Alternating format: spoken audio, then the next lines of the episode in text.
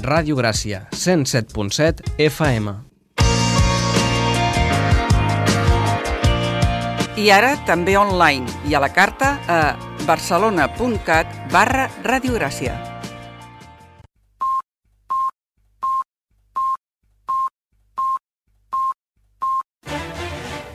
Música i geografia.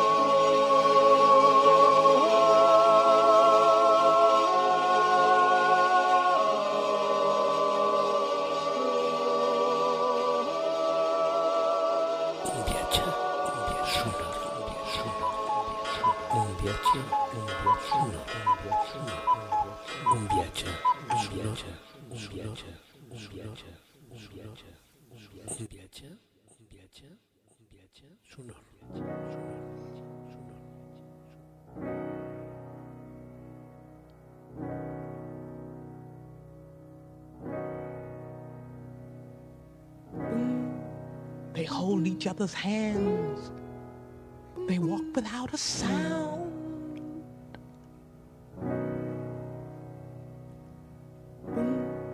Down forgotten streets, their shadows kiss the ground. Their footsteps sing a song that's ended before it's begun.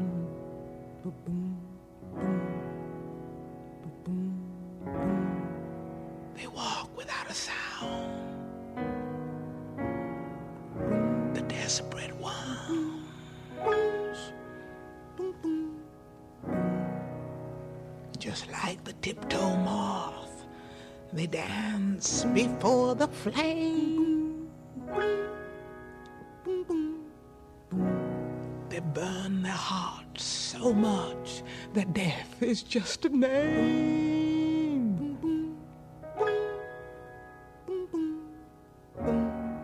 And if love calls again, so foolishly they run, they run, they run, they run, they run, they run, they run, they run without a sound.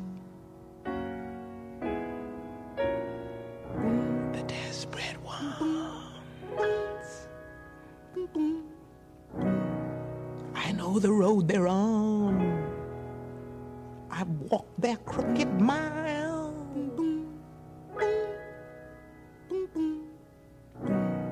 A hundred times or more, I drank their cup of bile.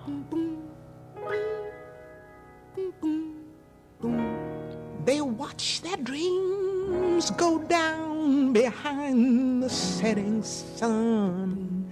Yeah, yeah, yeah. They walk without a sound. The desperate ones. Let he who threw the stone at them stand up and take a bow. He knows the verb to love, but he'll never, never, never know how. On the bridge of Nevermore, they disappear one by one. Disappear without a sound.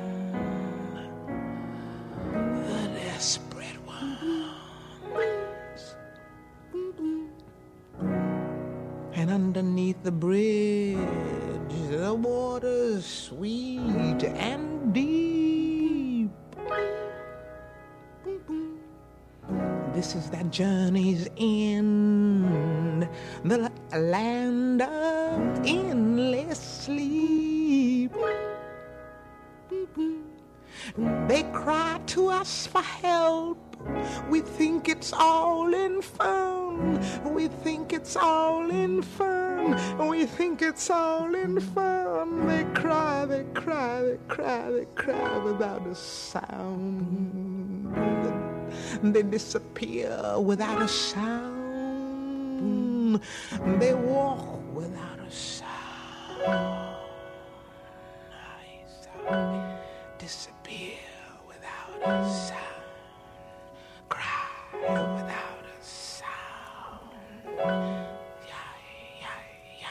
yeah, yeah, yeah, the desperate ones. Capítol del mosquit. Al meu dormitori hi ha un mosquit. I el meu no et fot. Això ho ha dit una veu que no sé pas d'on ha sortit. De fet, no m'he expressat bé. El que volia dir és que al meu dormitori hi habita un mosquit. Ara la veu no ha dit res. Tanmateix, com si s'hagués quedat sense veu. I no m'estranya, perquè la cosa és força estranya. Explica't! La veu ha reaccionat tard, però ha reaccionat. Això de la veu tampoc ho trobo normal, i quan acabi el capítol faré una inspecció a fons i si no esbrino d'on surt, escriuré una carta a l'administrador de la finca perquè faci venir el seu equip de paletes i manobres que normalment no arreglen res, però ho deixen tot cap per avall. Estic esperant! Vaja, i a més a més mal educat. Bé, procuraré tenir paciència. Deia que al meu dormitori hi habita un mosquit, que no he vist mai, però que he sentit moltes vegades i fins i tot em va picar una nit que llegia una novel·la que em va deixar la meva editora, bastant mediocre, per cert, la novel·la. Aquí la veu ha deixat anar un renec, que no reprodueixo perquè la portera m'ha dit que el seu fill petit vol llegir aquest capítol, Coses de la canalla. He deixat passar una estoneta i quan la veu s'ha tranquil·litzat he continuat. Aquest mosquit que habita el meu dormitori només surt del seu amagatall quan llegeixo a la nit abans de dormir. El sento quan se situa en algun lloc des d'on pugui llegir. Ell també. I quan apago el llum, el sento marxar. Jo ho tinc molt clar. És un mosquit amb estudis, a qui agrada llegir, això sí. Bona literatura. En cas contrari, pica. Aquí la veu explotat amb tanta ràbia i amb tanta fúria que he decidit escriure a l'administrador ara mateix i que se les apanyi amb els paletes.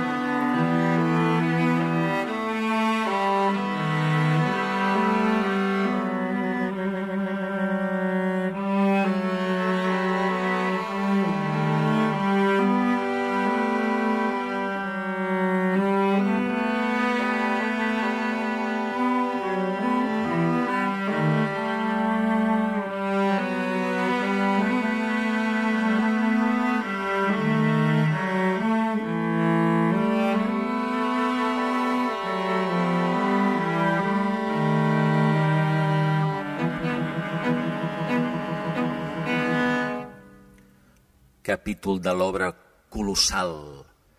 Aquest matí m'he llevat del llit, com cada dia, és clar, almenys fins ara, amb una gran idea al cap. El cap, vist des de fora, es veia igual que sempre, però la idea, la gran idea, hi era. Us ho ben juro, i quina era aquesta idea de tan gran dimensió, preguntareu? Doncs ni més ni menys que escriure una obra colossal, una obra d'aquelles que es divideixen en quatre o cinc gran parts, i cada gran part en parts més petites, però moltes, moltes parts més petites, diguem-ne que 30 o més, i que cada part més petita passen moltes coses, moltes, i surten grans personatges que fan grans discursos, expliquen les seves tesis i donen lliçons magistrals, una obra colossal d'aquelles que després d'explicar-ho tot s'hi posa una epíleg per intentar aclarir, sense aconseguir-ho, la majoria de vegades, tot el que ha quedat poc clar i mal explicat. Un epíleg que quasi sempre comença dient han passat 20 anys i, és clar, un ja sospita que després de 20 anys no hi ha qui aparaci el desgavell.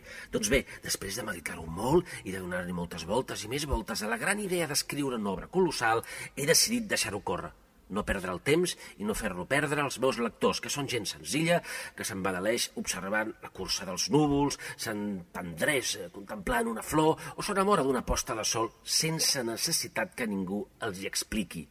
Aquí s'han sentit uns tímids aplaudiments que sospito són dels meus lectors, pocs però fidels.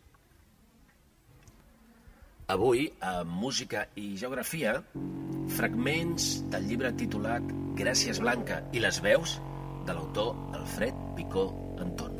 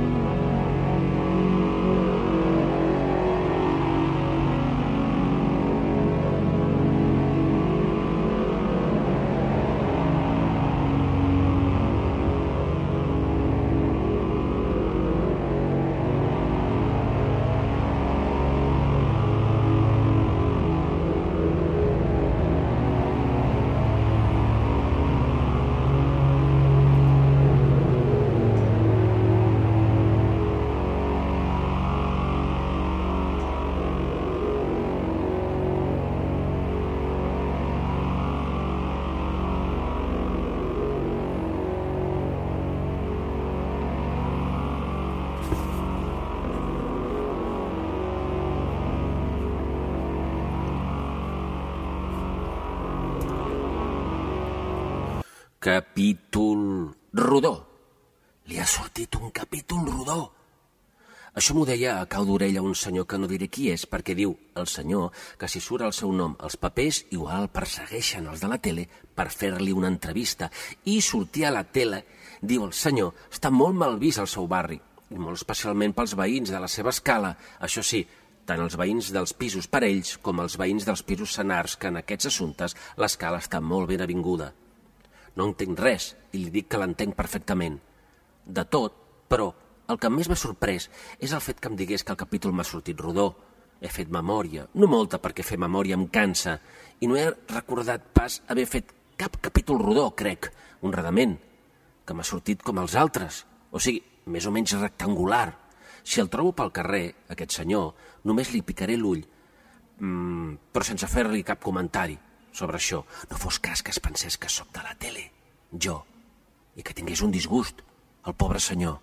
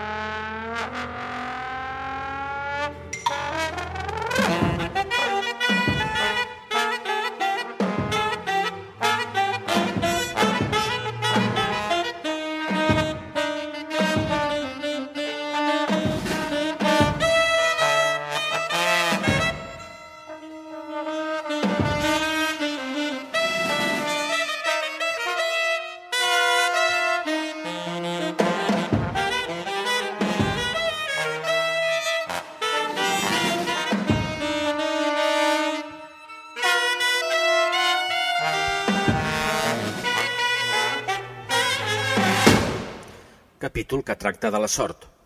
Aquest és un capítol que tracta de la sort, però no sé de quina. Comença quan al matí, al sortir de casa, he trepitjat merda de gos. Això dona bona sort, m'ha contestat el porter de la meva escala de veïns, que estava escombrant la cera i m'ha fet un petit somriure. Doncs bé, encara no se li havia esborrat el petit somriure de la cara quan un ciclista esbojarrat li ha donat una tal trompada que ell i Escombra han anat a parar dos portals més enllà. M'he quedat d'una peça. Bé, d'una peça crec que ja hi estava quan he sortit de casa, però el que vull dir és que m'he quedat glaçat i no ha sigut fins passats uns moments crítics i un cop desglaçat que he pogut pensar, i de fet he pensat, que això de la sort és només una qüestió de sort. Postdata, en llatí postdata, que vol dir el que s'afegeix a una carta després de signada. I malgrat això no sé carta, que és capítol, ni està signat, trobo que li dona al capítol un cert aire, no sé, com un cert aire. El que sí vull fer és contestar a la pregunta que encara ningú m'ha fet i que trobo imperdonable, i és com està el pobre porter? Doncs està molt bé, gràcies. Per cert, del ciclista, què se n'ha fet? També podeu preguntar. Doncs això no ho contesto perquè estic tan emprenyat amb ell que no vull que surti més en aquest capítol. I prou.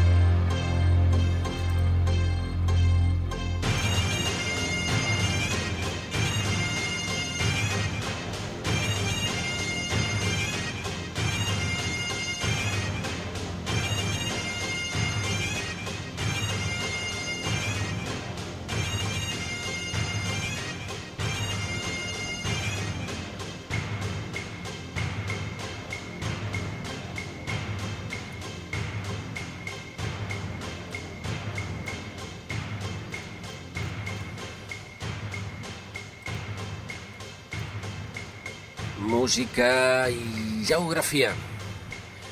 Avui, sense Maria Badell, però en canvi amb Nina Simone, Mary Halvorson, Robert Fripp i Brian Eno, Martin Altenautet i Art Zoid. També amb fragments del llibre de Gràcies Blanca i les veus d'Alfred Picó Anton.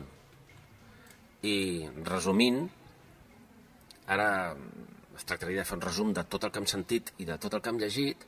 Si ho resumíssim molt, molt, molt, molt, molt, posem que duri el resum, no sé, eh, un minut, no menys, 30 segons, fins i tot posem que duri 5 segons, doncs seria... No tinc temps. women